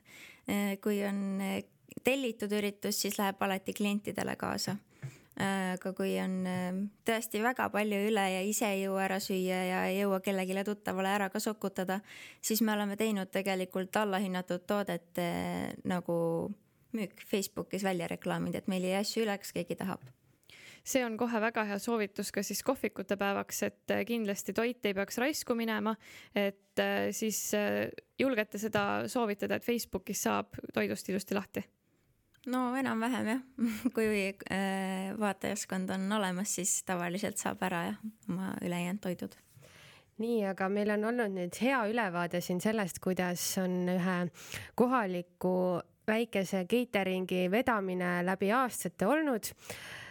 vaatame siis tulevikku ka, mis kodukoha catering'ist äh, saab nüüd lähiaastatel või millist, millest te unistate? No põhiliselt äh, me oleme päris heas kohas hetkel, praegu lihtsalt ei, ei toimu veel nii palju üritusi, kui me tahaks, et toimuks. Aga kui vaadata näiteks kaks aastat tagasi, siis oli ka väga hästi, et meil oli põhiliselt kogu aeg oli mingi üritus, mida, milleks me valmistusime. ja noh, eks ma ikka loodan, et uuesti korraldatakse järjest rohkem üritusi ja kutsutakse meid ka sinna Te ju kogu aeg õpite juurde ka, ma kuulen, et te teete sushit ja kõike värki, kas on mõni toit, mis, mis sina isiklikult näiteks äh, tahaksid hirmsasti, et järgmise, ma ei tea, järgmise aasta lõpuks teie menüüs oleks, et tahaks seda ka pakkuda? Ehm, noh, makroonide tegemist ma olen proovinud paar korda, aga jah, need ei tulnud väga välja. Et siis seda ma harjutan edasi aitäh, Katariine Visk, et sa tulid meile täna rääkima kodukoha catering'ist ja makroonid on ju äh, väga magus toit, samamoodi laulab meile nüüd kohe Harry Styles laulu Watermelon Sugar, nii et suhkrust me laulame. head äh, suhkru maiustamist teile sinna hommikusöögilaua kõrvale ka. Tastes like strawberries on a summer evening, and it sounds just like a song. I want more berries and that summer feeling. It's so wonderful and warm. Breathe me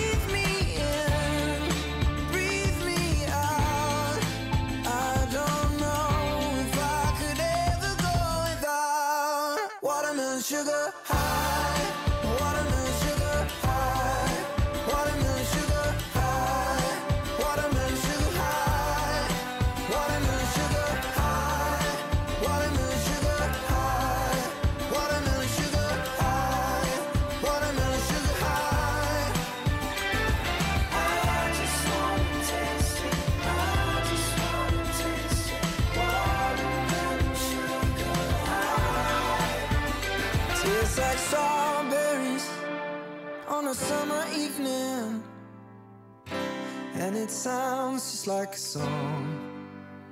I want your belly and that summer feeling. I don't know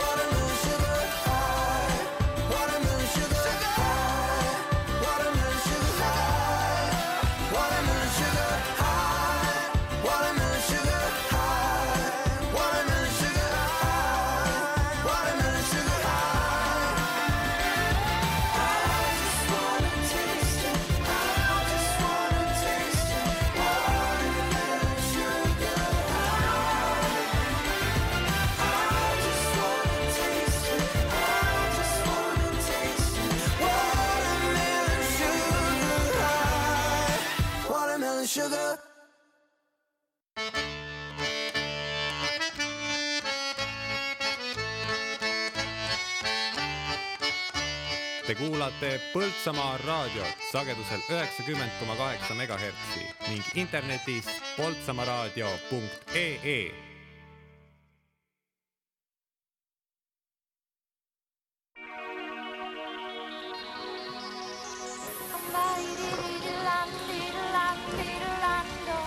mina olen Johanna Järva ja ilm.ee andmetel esimesel juulil. Vähese ja vahelduva pilvisusega ilm, kohati sajab hoovihma ja võib-olla äikest. puhub idakaare tuul kolm kuni üheksa, põhjarannikul puhanguti kolmteist meetrit sekundis. õhutemperatuur on kakskümmend kolm kuni kakskümmend seitse, rannikul kuni kakskümmend kraadi. Pärnus on hetkel kakskümmend kolm kraadi, Jõhvis ja Narvas kakskümmend kaks kraadi, Saaremaal, Põltsamaal ja Tallinnas kakskümmend üks kraadi, Rapla, Raplamaal ja Võrus kakskümmend kraadi ja Viljandis üheksateist kraadi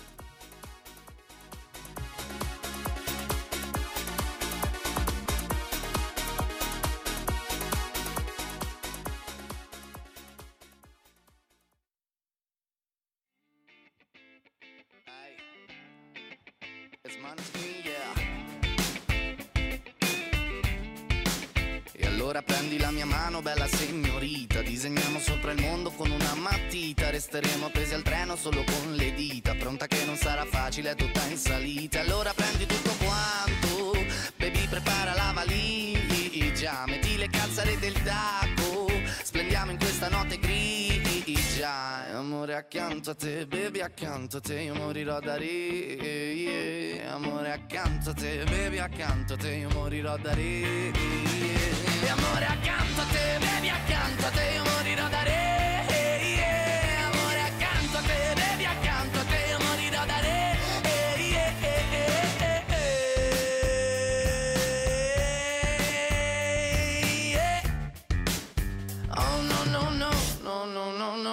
anche quando starò male sarò troppo stanco. Come fuoco avanzerò per prendere tutto quanto Ciò che aspetta ed essere pronto ad affrontare il branco. Non voglio tornare indietro, adesso parto. Allora bevi, bevi, bevi, asciuga il pianto. Bevi, bevi, bevi, bevi dal mio piatto. Se tu puoi cadere in piedi anche dall'alto. Se tu puoi cadere in piedi anche dall'alto. E Amore accanto a te, baby accanto a te Io morirò da re yeah. Amore accanto a te, baby accanto a te Io morirò da re yeah. Accanto a te, baby accanto a te Io morirò da re. Yeah. Amore accanto a te, baby accanto a te Io morirò da re. Yeah. Marlena Vinci la sera, spogliati nera. Prendi tutto quello che fa comodo e sincera. Apri la vela, dai, viaggia leggera. Tu mostra la bellezza a questo popolo e Marlena Vinci la sera, spogliati nera. Prendi tutto quello che fa comodo e sincera. Apri la vela, dai, viaggia leggera. Tu mostra la bellezza a questo popolo Vinci la sera, spogliati nera Prendi tutto quello che fa comodo e sincera Apri la vela, dai, viaggia leggera Tu mostra la bellezza questo popolo ed io Amore accanto a te, bevi accanto a te Io morirò da re, yeah. Amore accanto a te, bevi accanto a te Io morirò da re,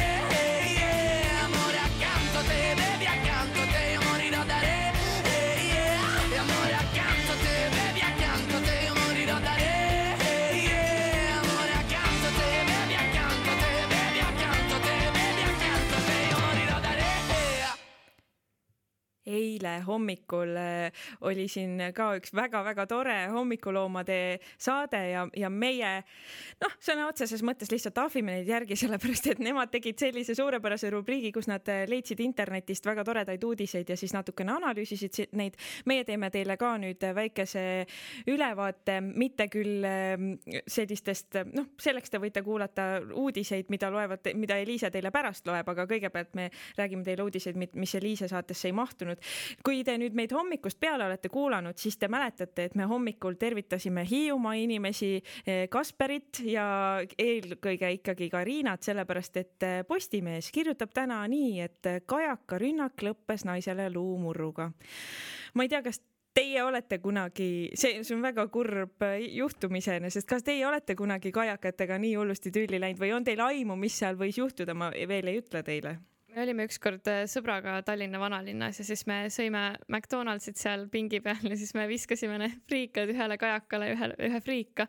ja siis tuli nagu välja, et neil on mingi kommunikatsioon omavahel, et nad tulevad nagu terve parvega tagasi.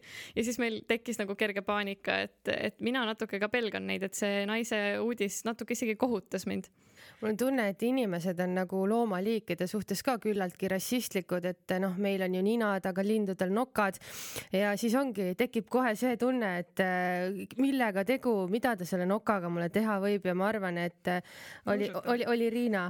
Riina. Riina võis ka mõelda, et äh, nokk ja, ja sellised pikad jalad näiteks ja suled ja aga mis seal uudises veel on? tegelikult see nüüd oligi nii, võib-olla see pealkiri on natukene no nagu ikka üle dramatiseeritud, on kirjutatud, et kajaka rünnak lõppes, aga tegelikult oli asi siis niimoodi, et Riina viienda, isegi uudises on kirjutatud nii saatusliku laupäeva hommikul mõtles, et ta läheb tee peal rattaga väikese tiiru, sõitis kodust kuuekümne meetri kaugusele ja järsku vaatas, et kajakad hakkasid teda pikeerima, üks eest, teine tagant. tsiteerin, taipasin, et nad ründavad mind, linnud karjusid, lendasid Riina lähedalt mööda ning kergendasid end tema riiete peale ja siis juhtuski see asi, Riina püüdis siis kätega vehkida, et kajakaid eemale tõrjuda, aga tuletan meelde, et ta oli ratta peal, kukkus rattalt maha ja murdiski õlavarre luu. nii et äh, Eliise siin enne ka natukene juba arutasime, et andis hea soovituse igaks juhuks, kui te lähete kajakarohkesse kohta, õppige käed lahti sõitma, sest kes teab, millal on vaja kajakaid eemale peletada. ja kui te käed lahti sõidate, siis õppige samal ajal kindlasti Tiktokke tegema, sest siis te lihtsalt ei pane ümbritsevat tähele, et olete nii fokusseeritud.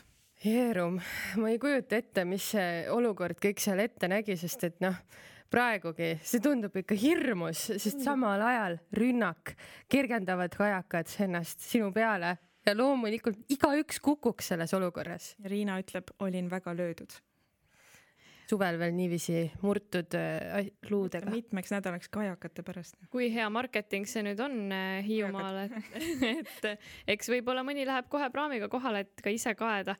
aga mina leidsin täna hommikul, lehitsesin kodus Ekspressi ja leidsin huvitava pealkirja, et Eestis tasuks kehtestada trahvid auto poosetamise eest.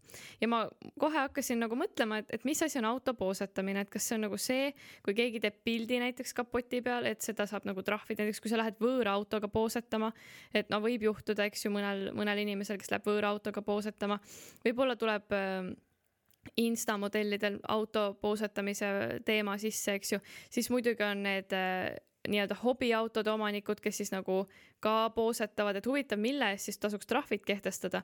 ja siis ma lugesin seda juhtlõiku ja lauset, mis siin juures on, et Soomes võivad rullnokad saada sada eurot trahvi, kui kimavad ringi tarbetult ja teisi inimesi häirivad. et huvitav, et mis on siis see tarbetu äh, auto poosetamine, et äh, kui lähed, teed kaks ringi ümber kvartali, et võib-olla autot soojaks sõita, et kas see on siis tarbetu või ei ole tarbetu, et väga huvitav teemapüstitus muidugi. sihuke poeparklas lihtsalt ässamine äkki on see või, või ma ei tea, mingi parkladrift, kas see võib poosetamise alla minna? ma arvan küll. no poosetamine on ju üldse selline huvitav mõiste. eks me kõik ju võtame mingeid poose, nii ka autojuhid ja,. jah, jah. ja saab ka nii-öelda poosetamine võib olla eputamine, et ongi, sul on noh, just on pandud autole, ma ei tea, mida autodele pannakse, uued tungrauad või väljad ja siis tahadki natuke poosetada, aga, aga jah, et, et ma ei tea, kas nüüd seda trahvima peaks, et see on igatahes siin kellegi tugev seisukoht ja siin artiklis on siis kurdetud, et, et Kärdlas, jälle Hiiumaa, Hiiumaa, meil täiesti juhuslik kokkusattumus täna, et äh, sumedal pühapäeva õhtul Kärdlas, mis upub juuni alguses Sireli õitesse, jalutan abikaasaga mööda peaaegu inimtühje tänavaid. rahvas vaatab õhtuseid uudiseid ja toimetab vaikselt kodudes ja siis läheb action pihta ühtäkki kostab kuskilt plärin. see valjeneb ja valjeneb ning ühel halval hetkel sööstab nurga tagant välja noormees võrri seljas ja mopeedi hääl kõlab vaikses aedlinnas põrgu lärmina. ja huvitav, et siis mopeed, siin on siis ka kasutatud sõna sääreväristaja ja võrr, et kas siis ka mopeed läheb auto poosetamise alla ju siis läheb, kuigi ma mõtlen, et kõiki asju võib-olla ka ei tasuks trahvida, et kui nüüd inimene leidis, minu vendki leidis eh, hiljuti äh, vanaisa mingisuguse vana sääreväristaja garaažist ja tegi selle korda ja siis sõidab natukene ringi, et ma ei tea, kas see on päris trahvi väärt nüüd või? no ei tea jah, aga muidugi Kärdlas on see kellelgi tekitanud suured, suured küsimused ja mure, et äh, just sumepühapäeva õhtu Kärdlas jah, et et huvitav. Nendel päevadel võib. ja et huvitav, et kas seal siis kajakaid ei olnud, et, et olid muud segajad peal, et võib-olla mere ääres rohkem on neid linde, et, et jah, selline väga huvitav seik muidugi aga lähme välisuudiste juurde ka. jällegi, ma ei tea, kuidas mul on täna sattunud sellised väga traagilised lood. ka, ka siin on selline jälle traagiline lugu, pealkiri selline kokk kaotas tulikuuma kanasupi tõttu elu ja see juhtuski, ma loodan, noh, Katerinil ilmselgelt ei ole niimoodi juhtunud, sest ta oli täna siin meiega stuudios, aga see catering ja toidu tegemine on ohtlik värk, sest et Iraagis eh, kokk eh, kukkus hiiglaslikku potti, kus oli sees keev kanasupp ja sinna läks tema elu. kas siis äh, tõesti on niiviisi, et potid on suuremad kui inimesed, kui on nii suurt sööki vaja teha? ta oli pulma jaoks tegemas toitu, nii et väga suur pulm pidi olema ja ta oli kokana töötanud kaheksa aastat ehk siis ta ei olnud ka päris niisugune praktikant ja no väga. kukkus suppi. kukkus, kukkus supp, jah. uppus, kukkus, hukkus jah, tõmbas, oota, kuidas seda öeldakse? saab teha mõne luuletuse või väikese haiku kohe, nii et. aga traagiline küll, seda ei kujuta ju ettegi, et tahad teistele head, tahad kõhtu täita ja lõpuks lõpetad ise nii nagu see kana seal mm. -hmm. et selles mõttes tasub olla ettevaatlik isegi kõige, kõige esmapilgul lihtsamate toimingutega elus. sest et on ju öeldud, et inimese jaoks on kõige ohtlikum koht ikka tema enda kodu. Just ja mina leidsin äh, sellise huvitava teadusuudise Novaatorist, kohe haaras silma, et mesilased jäävad alkoholist purju ja kogevad võõrutusnähte. et huvitav, et kas nüüd siis peaks praktiseerima seda, et kui tekib kodu lähedale mingi mesilase või ma ei tea, kas erilaste alla, kas erilased ka sinna alla käivad, aga, aga tuleb siis hakata panema pitse ümber maja ja siis ühel hetkel on, on alkohoolikust mesilased, kes siis enam ei ole eriti agressiivsed või huvitav. aga mõtle, kui sa siis selle ära võtad, sa pead ju siis neid pitse kogu aeg täitma, sest kui nad võõrutusnähte kogevad, siis ma kujutan ette, et nad lähevad eriti tigedaks, kui neile siis ei anta. jah, see on muidugi teine vaatepunkt, et see olenebki isik, mesilase isiksuse tüübist, et kas ta on nagu kuri või ta on vähem kuri, et, et see on ka muidugi põnev ja selle avastasid siis Poola teadlased ja.... huvitav, kuidas selliseid asju avastatakse, ma ikka mõtlen, et kas nad mõtlesid, et, et oi, teeks katse, annaks mesilastele viina või, või kuidas see juhtus? ma ei tea, nemad on siin välja toonud, et et nende uuringust on abi ka ilmselt inimeste alkoholismi ravis, et see on siis võib-olla on siis ikkagi mingi, mingi mõte seal sügavam taga, kui lihtsalt mesilased peadpidi pitsi toppida. aga mesilaste ja alkoholi suhe ei ole ka looduses olematu, sest õienektoriski võib mõnikord natuke alkoholi sisalduda. nii et äh,. sellest on kindlasti mesilased sõltuvuses, ilma õienektorita ei saa. jah kui nüüd Kreisi raadio kavandab oma uut äh, sellist episoodi, siis nad võiksid ju järgmisel korral ennast hoopis mesilindudeks riietada, et me teame, et Roos. ja nad kõigepealt sulistavad roos ja siis tuleb parvevanem ja küsib, et äh, poisid, mis lõhnad teil nokast tulevad ja ma näen siit juba täielikku lugu, nii et äh, siit võiks küll absoluutselt, absoluutselt. ja mesilase uudise lõppu veel, et teadlased märkasid aga ka seda, et korjemesilastel oli alkoholitaluvus suurem kui tarus toimetavatel töömesilastel. nii et noh, ühesõnaga siit annab tuua palju huvitavaid paralleele, seda teksti saab analüüsida. Need, kes käivad kodust väljas, neil ikkagi läheb rohkem ja. peoks kui nendel, kes kodus toimetavad. nii et naerame siin ikka mesilasi ja kajakaid, aga kõik on ühesugused, nii Loodus inimesed kui ka loomad. meile kõik juhised kätte, kuidas elada tuleb on sul, Heleri, veel, veel mõni tore uudis varuks? praegu rohkem toredaid uudiseid ei ole, mul tulevad nii traagilised, ma ei taha rohkem lugeda. no minul on kohe, et kuna meil varsti algab ka järgmine lauluviisikene, siis äh, jällegi Novaatorist leidsin toreda äh, lugeja küsimuse, miks mind laul peas kummitab? teate, mis laul mind kummitab? see, ma eile kuulasin siin natukene ühte saadet, mis äh, täna tuleb eetrisse siin pärastlõunal ja seal on niisugune imetore lugu, mis kõlab kuidagi niimoodi Kiruvere, Põõravere, Kullavere, Tõrvere, ots ja siis otsajoones Võrru. Võrru. see on väga ja miks see mind kummitab juba kaks päeva, palun vastake sellele. ma arvan, et see sõnaseadja seal laulus on lihtsalt teinud väga head tööd, et need kõik sõnad haakuvad omavahel nii hästi ja eks viis ole ka mõnusasti taha pandud. Ja siin on siis äh, kirjas, et peas kummitavad laulud on täiesti normaalne nähtus ning võivad aidata salvestada looga seotud mälestusi. kõige tõhusam abivahend kummitava loo vastu on ümiseda peas aga mõnda teist viisijuppi, mis ilmselt muidugi viib siis järgmise laulu kummitamiseni, ega eks see olegi natuke selline nõiaring. mina olen kuulnud, et kui Mamma Miat hakata ümisema, siis see võtab kohe kindlasti üle. või siis teine asi on, et see lugu tuleb lõpuni kuulata ja laulda, et siis peaks ka ära minema, aga, aga lõpuni ma, ma saan kuulata seda alles kella kolme paiku, päris mina arvan, Eleri, et sa peaksid tulema kahekümne kolmandal juulil Põltsamaa lossi hoovi, sellepärast et siin esinevadki Kalevimehed Aurik Viljandist ja äh, siin on siis Boris Lehtlaan, Erich Krieger kuuskümmend, Aare Jaama kuuskümmend, Peeter Kaljuste, Martin Müürsepp, Jaan Kirss ja Leino Einer. sa ütled, et ma pean kakskümmend kaks päeva elama niimoodi, et mu peas on hommikust õhtuni ja öösel ma ei saa magada, sest et Võrru jah, ma pean, ma pean sulle seda ütlema jah, ja või siis kuula Põltsamaa raadiot, siis sa kuuled ka neid laule ja muideks Kalevimeestel on ka oma eh, siis laulude valikus laul nimega Põltsamaa, nii et ka seda te kuulete meie programmist, kui olete terase kõrvaga. ja natuke siin jäin artiklis allapoole kerima, et eh, näiteks leiti tuhande osalejaga uuringus, et kõige sagedasem kummitava, kummitav lugu oli Lady Gaga Bad Romance, mis ühtlasi on oh. üks väga ikooniline laul. aga mitte Lady Gagat ei hakka me kohe kuulama, vaid hoopiski Eesti oma artisti Jasminit ja laul I had it good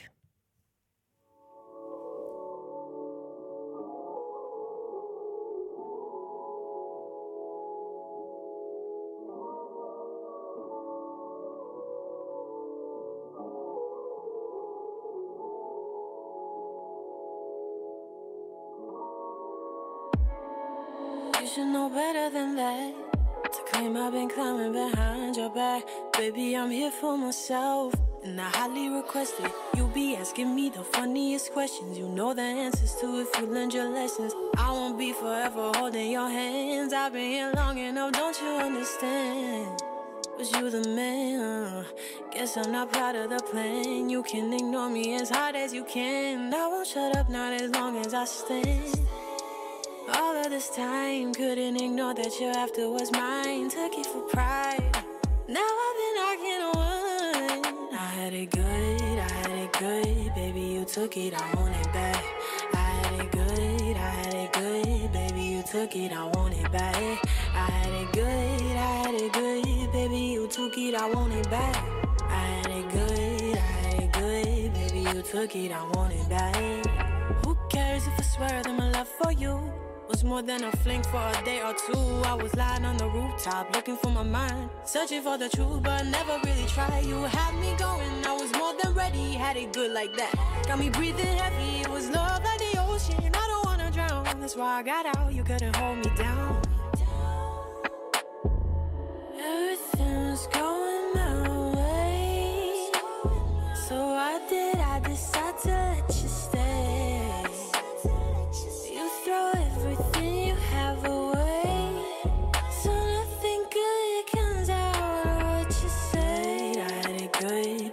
took it, I want it back. I had it good, I had it good, baby, you took it, I want it back. I had it good, I had it good, baby, you took it, I want it back. I had it good, I had it good, baby, you took it, I want it back. I had it good, I had it good, baby, you took it, I want it back. I had it good, I had it good, baby, you took it, I want it back. I had it good, I had it good, baby, you took it, I want it back. I had it good, I had it good, baby, you took it, I want it back.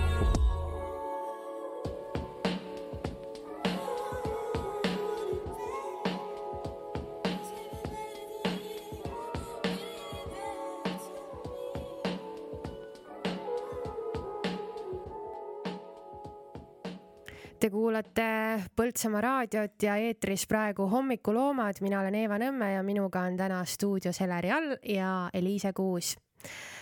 me oleme rääkinud tänases hommikuprogrammis pikalt juba Põltsamaa elust, meil käis siin saatekülalisena vallavanem Andres Väen ja lisaks teise külalisena eilsel üritusel head-paremat pakkunud kodukoha catering'ist Katariine Visk. head muusikat on olnud, toredaid uudiseid oleme lugenud, aga mida toob meile siis tänane päev? palju head. palju head kahtlemata, sest et kohe järgmisena pärast hommikuprogrammi on eetris Omakandi jutud ja juttu tuleb äh, Põltsamaa poistega, kes on käinud kaitseväes, nii et selline mõnes mõttes nagu normaalne elujärk, kui tuleb minna ühel hetkel kaitseväkke, millised on nende mõtted ja kogemused seal oldud ajast. Täna veel eetris Põltsamaa inimesed ja rääkima tuleb Arvet Külanurm. Ja kell kaksteist nagu alati keskpäevased uudised ning äh, pärast seda kohe vaeva pead ja pruugi suud ning tänaseks teemaks on hirm demokraatia ees, nii et äh, kui te soovite teada, kes ja miks kardab demokraatiat, siis kaksteist viisteist Põltsamaa raadiost te oma küsimustele vastused saate ja siis ja siis. Mina muidugi rõõmustan alati selliste saadete üle, mis räägivad spordist, sest ma olen suur spordifänn. Ja õnneks on meil programmis saade nimega Spordirahvas. Ja tänases Spordirahva saates on külas kohtunikud mida tähendab üldse sõna kohtunikud spordi mõistes, ilmselt on meie kuulajatele juba selge, aga mida see amet endast kujutab, vot sellest räägivad siis täpsemalt kaks jalgpallikohtunikku ja üks võrkpallikohtunik, Maicel Mikson, Marko Uusküla ja Martin Uusküla. ja sellele järgneb muusikasaade, mille nimi on Melopall ja täpsemalt keskendub see muusikasaade siis lauludele, mis on spordiga üht või teistmoodi seotud ja pärast Melopalli saate nautida Minevikuminuteid, mis on siis Põltsamaa raadio imeline ajaloosaade, mis on osutunud ikka väga-väga populaarseks ja, ja väga informatiivseks, nii et eh, super eh, lahe ja soovitan kuulata. ning pärast seda kordab eh, uudiseid, saate kuulata ka Õhtuhaku uudiseid ning pärast uudiste kordust siis Pajatuste pada, kus täna loetakse muinasjuttu Oakene. ja siis tuleb meil loosisaade mõned kordussaated ja õhtu lõpetab Vaba Mikker sinna saate te meile siis stuudiosse sisse helistada. Te leiate meie toimetuse numbri meie kodulehelt, meie sotsiaalmeediakanalitest, Facebookist, Instagramist. Me ootame teie lugusid, me ootame teie mõtteid, õnnesoove, soovilugusid, te saate meile kirjutada ka oma soovid ette, kui te soovite, aga muidugi võite helistada ka otse-eetri ajal. Kes otse-eetrisse helistab, eh, sellele me jätame tüki Eliise ema küpsetatud leiba ja paneme võit ka peale ja loosime välja võib-olla. just, nii et julgelt helistage, aga ega midagi, meil hakkab ju siin täiesti juba lõppema see tore ja lõbus hommikuprogrammi saade. mul on hea meel, et täna on saanud minuga olla siin eetris Eliise, aitäh, ja ka Heleri all Tootsi Alevist. ja Tootsi on väga, ma tervitaksin siinkohal ka Raivo Suni, kes on ka Tootsist, mul nii hea meel, et tuleb Põltsamaale ja ikka Tootsi inimesed on igal pool. see on nii, et kohe näost näed ära, et inimene on sinuga samast kandist pärit kahjuks küll jah